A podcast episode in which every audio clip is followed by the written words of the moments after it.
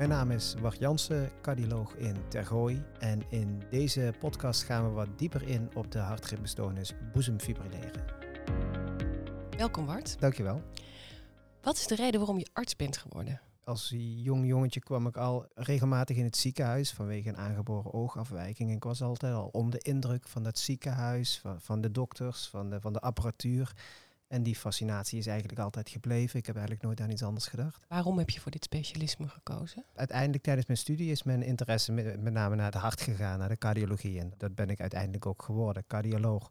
Ja, waarom het hart? Ja, het hart heeft natuurlijk een fantastische symbolische waarde. In de, in de volksmond eh, komt het hart in van alles voor. Maar tijdens mijn studie merkte ik dat dat magische orgaan eigenlijk een heel mechanisch orgaan is. Met een pomp en met kleppen en met leidingen en met elektriciteit. En dat vond ik zo fascinerend dat ik daar me verder in heb verdiept. En hoe lang werk je al uh, in Tergooi? Ik uh, ben cardioloog sinds 2007. Toen uh, ben ik al een paar maanden naar Tergooi gekomen om waar te nemen voor een collega. Daarna ben ik mijn ambitie gaan volgen. heb ik me verder gespecialiseerd tot ritmecardioloog in het Antonius ziekenhuis. En in 2009 ben ik teruggekomen naar Tergooi. En om in de vakgroep te komen. En daar ben ik nu dus 12 jaar. Ritmecardioloog. Wat doet jouw afdeling precies? cardiologie, die behandelt natuurlijk de ziekten van het hart. Ja, de ziekte van het hart kun je eigenlijk een beetje onderverdelen in drie verschillende groepen. Bekendst zijn de problemen van de bloedvaten van het hart, de kransslagvaten. Die kunnen vernauwd zijn of verstopt raken en daar kun je pijn op de borst van krijgen. Maar je kunt ook problemen krijgen met bijvoorbeeld de pompfunctie of de kleppen van het hart. En dan kan het hart niet meer de functie leveren die nodig is voor het lichaam. En dan krijg je klachten die horen bij hartfalen. En tenslotte de laatste groep, dat is dus het gebied waar ik me dan weer met name op, uh, op focus, zijn de ritmestoornissen. Dus de problemen met de elektriciteit van het hart. Dus eigenlijk ben je de elektricien voor het hart. Ja, zo noem ik mezelf ook nog wel eens. Hè. De dottercardioloog die noem ik nog wel eens de loodgieter van het hart. Hè. Die moet de leidingen openmaken en ik houd inderdaad met de elektrische activatie bezig. We hebben het dus over de cardiologische zorg hè, in jouw aandachtsgebied. Dat zijn de ritmestoornissen. Het hart wordt aangestuurd door elektriciteit. En die kan op verschillende manieren kan die elektriciteit mislopen. Dat kan te traag verlopen of dat kan blokkeren. Of dat kan helemaal van slag raken. En dat kan resulteren in ritmestoornissen. En dat kan behandeld worden met medicatie of met pacemakers. En dat is, uh, dat is mijn gebied.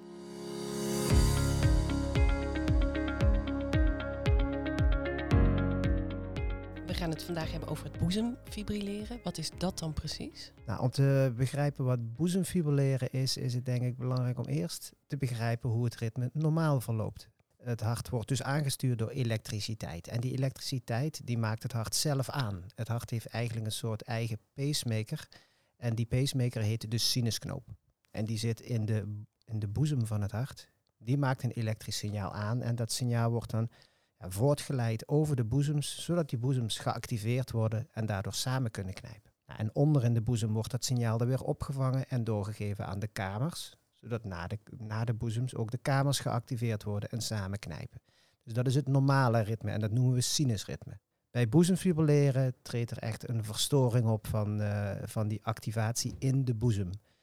Uh, dus het is eigenlijk uh, ontstaat er een soort kortsluiting in die boezems, waardoor de activatie niet meer uit die sinusknoop komt, maar overal simultaan chaotisch aanwezig is. Wat ik nog wel eens als uh, analogie gebruik, is dat het sinusritme is een soort zware kei die je in, vijver, in een vijver gooit, met een golf die zich mooi uitbreidt. En boezemfibrilleren is meer een stortbui in datzelfde water. Dus overal activiteit, maar nergens een mooi gecoördineerde golf. Dus ook geen samentrekking van die boezem. Mooie beeldspraak ook. En ik hoor ook wel wat biologieles uh, terug als je het weer hebt over het hart en de boezems. Dat is wel even ook goed voor de beeldvorming. Ja. Uh, is atriumfibrilleren hetzelfde als boezemfibrilleren? Dat is in wezen hetzelfde. De atria van het hart, dat zijn de boezems van het hart. Alleen dat is de Latijnse benaming. Hoe vaak komt het voor? Boezemfibrilleren komt enorm veel voor. Het is met afstand de meest voorkomende ritmestoornis uh, in de westerse wereld. De schatting is dat in Nederland zo'n 450.000 mensen boezemfibrilleren hebben. We denken dat ongeveer 80.000 van die patiënten nog niet weten dat ze boezemfibrilleren hebben. Dus dat zijn met name schattingen. En dat heeft wel consequenties dat als je boezemfibrilleren hebt, maar het niet weet. Wat kunnen sowieso de gevolgen van boezemfibrilleren zijn? Nou, boezemfibrilleren heeft eigenlijk drie potentiële problemen, zeg maar. Het eerste is, het kan simpelweg klachten geven. Dat hoeft niet. Sommige mensen hebben boezemfibrilleren en daar totaal geen klachten van. En bij die patiënten kunnen, kan het dus voorkomen zonder dat ze weten dat ze het hebben. Uh, maar als mensen klachten hebben, dan kunnen ze bijvoorbeeld hartkloppingen hebben of ze kunnen kortademigheidsklachten hebben. Ze kunnen zich minder goed inspannen. Um, dus dat zijn de klachten die kunnen horen bij boezemfibrilleren. Het tweede probleem wat kan bestaan bij boezemfibrilleren is dat de hartslag door het boezemfibrilleren veel sneller kan worden dan normaal. Dat kan een gemiddelde hartslag van 130, 140 of zelfs 150 slagen per minuut worden. En dat gaat niet heel erg lang goed. Zo duurt dat wekenlang non-stop achter elkaar, dan kan je zien dat de hartspier daar vermoeid van raakt. En dan gaat de pompfunctie achteruit. En dan kunnen dus weer klachten van hartfalen optreden. Voordeel is dan dat je als je die hartslag weer rustiger krijgt met medicatie of door het herstellen van het ritme, dan dat die pompfunctie zich wel weer kan herstellen. Ten slotte, en dat is misschien eigenlijk wel de allerbelangrijkste consequentie van het boezemfibrilleren, dat is het hoge risico op krijgen van stolsels in het hart. Patiënten met boezemfibrilleren hebben ongeveer vijf keer zo hoge kans op het krijgen van een beroerte. En een beroerte kan het gevolg zijn van een stolsel die ontstaat in de boezems van het hart tijdens boezemfibrilleren. En als dat losraakt, wordt het rondgepompt door het hart en dan neemt het ja, het liefst de eerste afslag. En dat, is het, uh, de, dat zijn de bloedvaten naar het brein. Een beroerte is echt een belangrijke consequentie van het hebben van boezemfibrilleren als dat niet adequaat behandeld wordt met bloedverdunners. Stolsel in het hart heet beroerte. Nou, het gevolg van zo'n stolsel uh, kan een beroerte zijn. Als het in die afslag heeft genomen en dan verstopt raakt. Als het verstopt raakt in, uh, in het bloedvat naar het brein toe, inderdaad.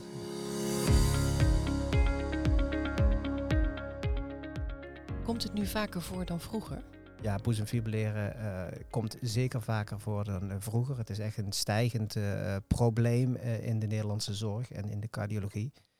En de belangrijkste reden voor het de toename van het voorkomen is het, het, uh, het, stijgen van de leeftijd door de vergrijzing van de bevolking.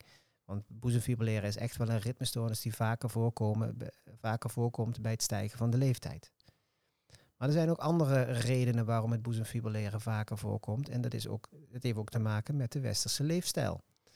door een ongezondere leefstijl, minder te bewegen, hogere bloeddruk en meer overgewicht, kan daardoor het boezemfibrilleren ook vaker, uh, vaker voorkomen.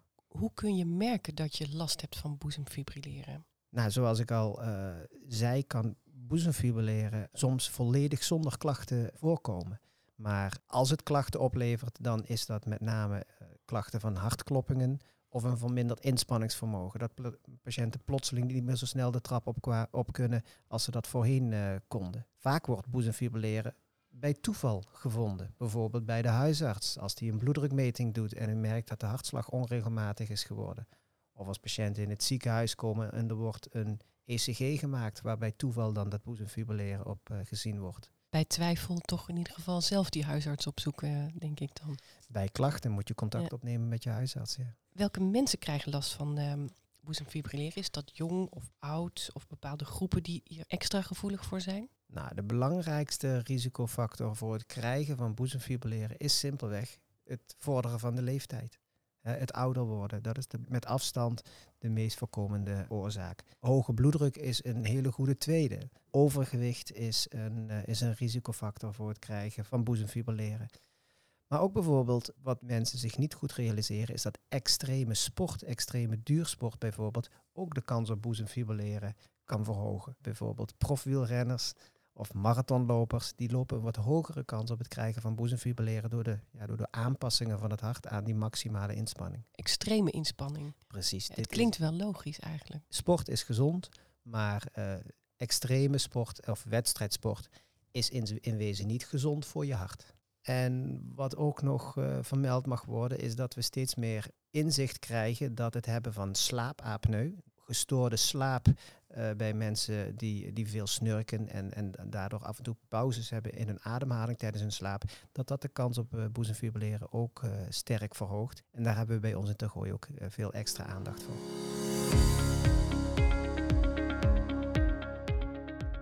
Kan dit ook nog erfelijk bepaald zijn?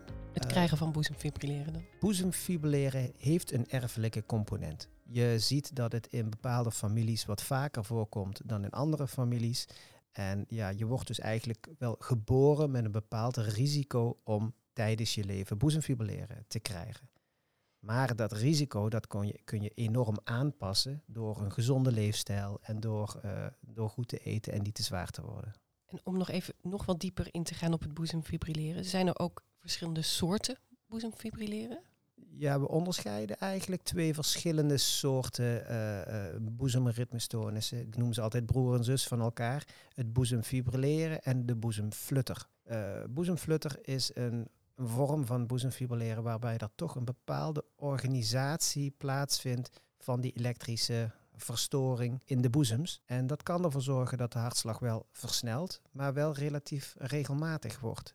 En daardoor- Versneld regelmatig. ja, Ja. precies. Maar dan hebben we het toch echt over hartslagen van bijvoorbeeld 140, 150 slagen per minuut. Maar dat kan, doordat het niet onregelmatig wordt, nog minder symptomatisch eh, zijn. De behandeling is, eh, is grotendeels identiek. Is het te voorkomen dat je het krijgt? Je hebt er natuurlijk net al wel wat over gezegd, maar het is natuurlijk toch een belangrijke vraag om nog even goed bij stil te staan. Dat is zeker een belangrijke vraag, want met een gezonde leefstijl, met het voorkomen van eh, hoge bloeddruk, met niet te zwaar worden, met eh, voldoende bewegen, kan je het risico op uh, boezemfibrilleren echt verlagen. En als je zeg maar geboren wordt met een hoge kans op het krijgen van boezemfibrilleren, kan je de eerste manifestatie van dat boezemfibrilleren bijvoorbeeld enorm uitstellen.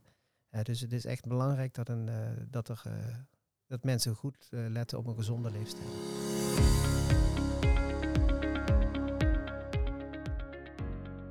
Welke behandelingen zijn er mogelijk? Genezing is niet mogelijk. Dat is eigenlijk een beetje de, de heilige graal die we proberen te achterhalen om een genezing van boezemfibrilleren te, te vinden. Maar dat kan tot heden nog eigenlijk niet. Um, de belangrijkste behandeling is gericht op het verminderen van klachten. Hè, dus door de hartslag te verlagen of door het herstellen van het ritme en het geven van de juiste bloedverdunners. Het geven van bloedverdunners is afhankelijk van een bepaalde risicoscore die we bij alle patiënten met boezemfibrilleren nalopen. En als je enkele punten op de risicoscore hebt, bijvoorbeeld suikerziekte of hoge bloeddruk, of al een keer een probleem met het stolseltje gehad, dan kom je in aanmerking voor levenslange behandeling met die bloedverdunners. En dat is echt essentieel. Wat heel belangrijk is, dat die bloedverdunners ook uitermate effectief zijn in het verlagen van het risico.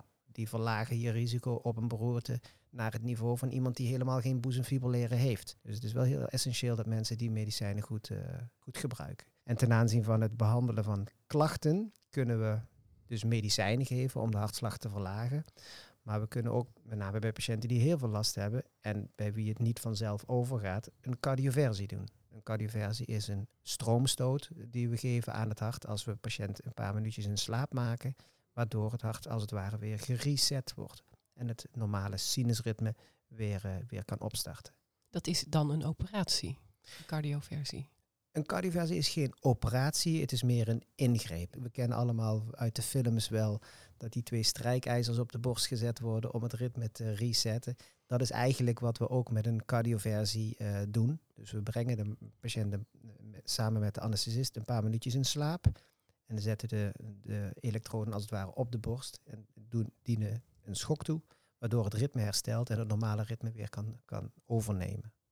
Maar dan wordt iemand wel even opgenomen in het ziekenhuis om deze behandeling ingrepen te ondergaan. Ja, maar dit is maar een korte ja. opname. Dit is maar een opname van één of twee uurtjes. We doen ongeveer twintig van dit soort cardioversies per week. Om aan te geven hoeveel het voorkomt. We beschreven eerst uh, medicijnen. En als dat niet werkt, dan zo'n uh, cardioversie. Is er nog meer?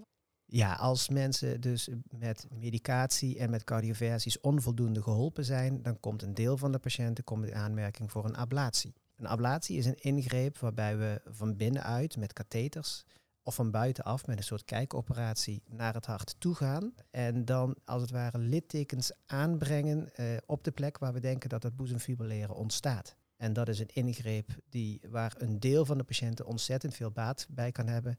Maar lang niet alle patiënten komen helaas in aanmerking voor een ablatie. Dus er kan best wel veel, maar het is niet te genezen. Is er ook ontwikkeling in de behandeling van vroeger en nu? Op ablatiegebied zijn, de, zijn er ook behoorlijk wat uh, ontwikkelingen. En die zijn eigenlijk met name uh, in de ontwikkeling van nieuwe kathetertechnieken, waarbij die littekens die we aanbrengen in de boezem op een snellere, eenvoudigere manier toegebracht uh, kunnen worden, waardoor we simpelweg meer patiënten kunnen, kunnen helpen in, de, in dezelfde tijd.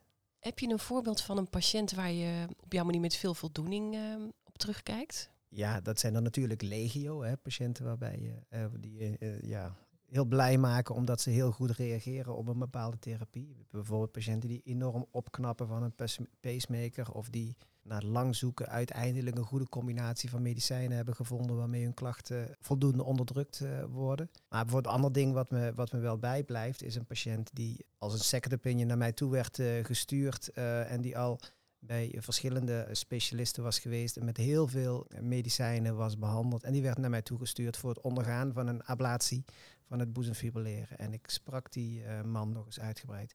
En die had klachten die toch wel heel erg suggestief waren voor het hebben van slaapapneu. Dus ik heb die man in eerste instantie niet voor een ablatie verwezen, maar naar de longarts verwezen voor een slaaponderzoek. En die bleek inderdaad ernstig slaapapneu te hebben, werd daarvoor behandeld en kreeg daar een enorme bak energie voor terug. En zijn boezemfibrilleren was daadwerkelijk verdwenen nadien. Mooi vak hè, dan? Dat is fantastisch. Ja, dat is echt een vak. Dat is natuurlijk de mooie kant. Hè? Maar als het heel goed gaat en mensen hun energie hervinden of herstellen. Maar er zal het nodige leed en emoties zijn. Hoe ga je daar zelf mee om? Dat is niet mijn sterkste kant. ik heb soms wel moeite ja, bij het zien van veel leed of emoties uh, om dan zakelijk uh, te blijven.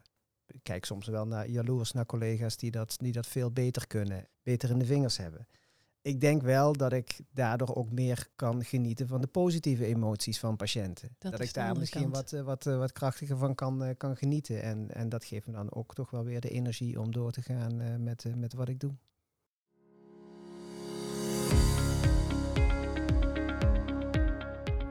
Hebben in Tegooi een boezemfibrilleren poli opgezet. Daar zijn we niet de enige van in Nederland, maar we hebben wel een hele gedegen poli opgezet met gedreven verpleegkundig specialisten. Uh, met een computerprogramma wat we zelf hebben ontwikkeld, uh, met, waarmee we een goede communicatie naar de huisarts kunnen creëren, waarbij we onze eigen gegevens goed kunnen evalueren.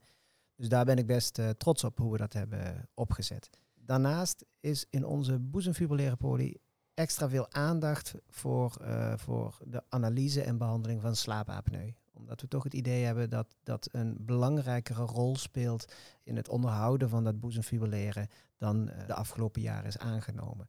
Dus daar hebben we heel veel aandacht voor en daar screenen we heel actief naar. In het uh, programma Zorg Dichterbij brengt uh, Tergooi met haar regionale zorgpartners de zorg letterlijk dichter bij de patiënt. Hoe zit dat hier op de atriumfibrilleren poli? Op de atriumfibrillare poli zijn we daar heel actief mee bezig. En er zijn twee belangrijke projecten die we, die we hebben opgestart. Het eerste project is het FibriCheck-project, waarbij patiënten met hun eigen smartphone uh, hun eigen hartritme kunnen registreren. En dat via hun smartphone kunnen doorsturen naar het ziekenhuis, naar de cardioloog of naar de verpleegkundig specialist van de boezemfibrillare poli. En dus, dus zonder dat ze daarvoor naar het ziekenhuis hoeven te komen, iets op hoeven te halen of uh, iets af moeten te leveren. Dat kunnen ze puur vanuit hun uh, thuissituatie doen. En zo kunnen we een hele goede indruk krijgen of patiënten goed behandeld worden voor hun boezemfibrilleren. App die standaard op je smartwatch zit of een speciale app die ze moeten downloaden?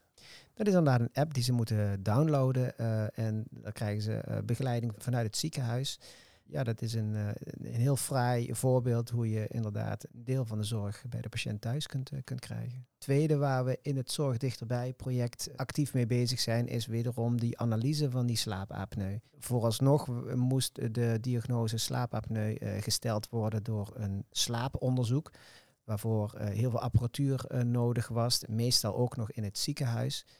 Uh, wij hebben, we zijn nu bezig met een, uh, een apparaatje wat eigenlijk meer lijkt op een polshorloge. Met een klein uh, clipje op de, op de vinger.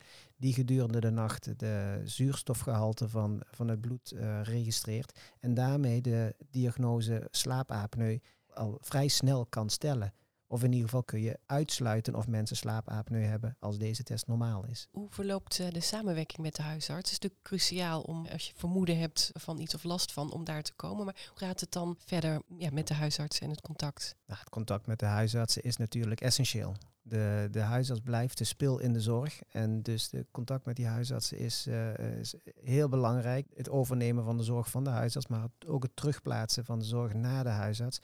En het contact met de huisartsen in de regio is echt uitstekend. De huisartsen weten inmiddels ook de boezemfibrillaire poli heel goed uh, te vinden om patiënten na te verwijzen. We hebben regelmatig scholingen aan de huisartsen die heel goed bezocht worden ten aanzien van de behandeling van boezemfibrilleren, ten aanzien van de aspecten van bloedverdunning. En daarnaast is er ook heel laagdrempelig overleg mogelijk met de huisartsen. We hebben ook een app uh, geopend uh, waarbij we samen met uh, vrijwel alle huisartsen in de regio contact uh, kunnen hebben, waarbij ze niet spoedeisende zaken heel makkelijk via die app met ons kunnen overleggen. Bijvoorbeeld een ECG wat een huisarts maakt, waar hij onze beoordeling van kan vragen. Waar wil je jezelf vooral op blijven richten? Nou, er is de laatste jaren in Tergooi op cardiologisch gebied heel veel bereikt. We hebben de boezemfibrillaire poli. Uh, we, hebben de, we zijn begonnen met dotteren. We hebben de opleiding tot medisch specialist uh, mogen we voor een deel verzorgen. De MRI's. We zijn begonnen met ICD-implantaties. Dus op dit moment is een belangrijk aspect is simpelweg het consolideren van wat we bereikt hebben. Proberen te behouden wat we bereikt hebben. Daarnaast, wat betreft de boezemfibrillaire poli, is het belangrijk dat we dat blijven uitbreiden. Omdat boezemfibrilleren simpelweg een, een groeiend probleem blijft.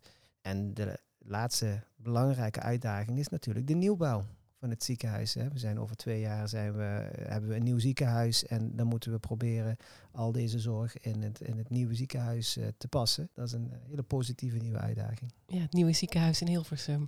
Dat is mogelijk ook onderdeel van het consolideren. Dat wat je hebt ook straks in het nieuwe ziekenhuis uh, goed door kan gaan. Ja, dat is echt een, een uitdaging en we kunnen allemaal niet wachten. Heb je nog een laatste tip voor de luisteraars? Nou, ik hoop dat de boodschap overgekomen is dat patiënten zelf ja, heel veel invloed kunnen hebben op, uh, op hun risico op het krijgen van, van boezemfibrilleren. Dat, uh, dat een gezonde leeftijd, voldoende beweging, uh, minder alcohol, dat had ik nog niet benadrukt, dat dat een hele positieve invloed kan hebben op het voorkomen van boezemfibrilleren.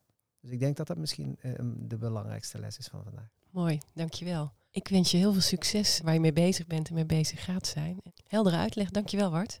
Graag gedaan. U luisterde naar een aflevering van de Tergooi podcast. We hebben nog veel meer afleveringen gemaakt. Bent u benieuwd? Ga dan naar tergooi.nl slash podcast.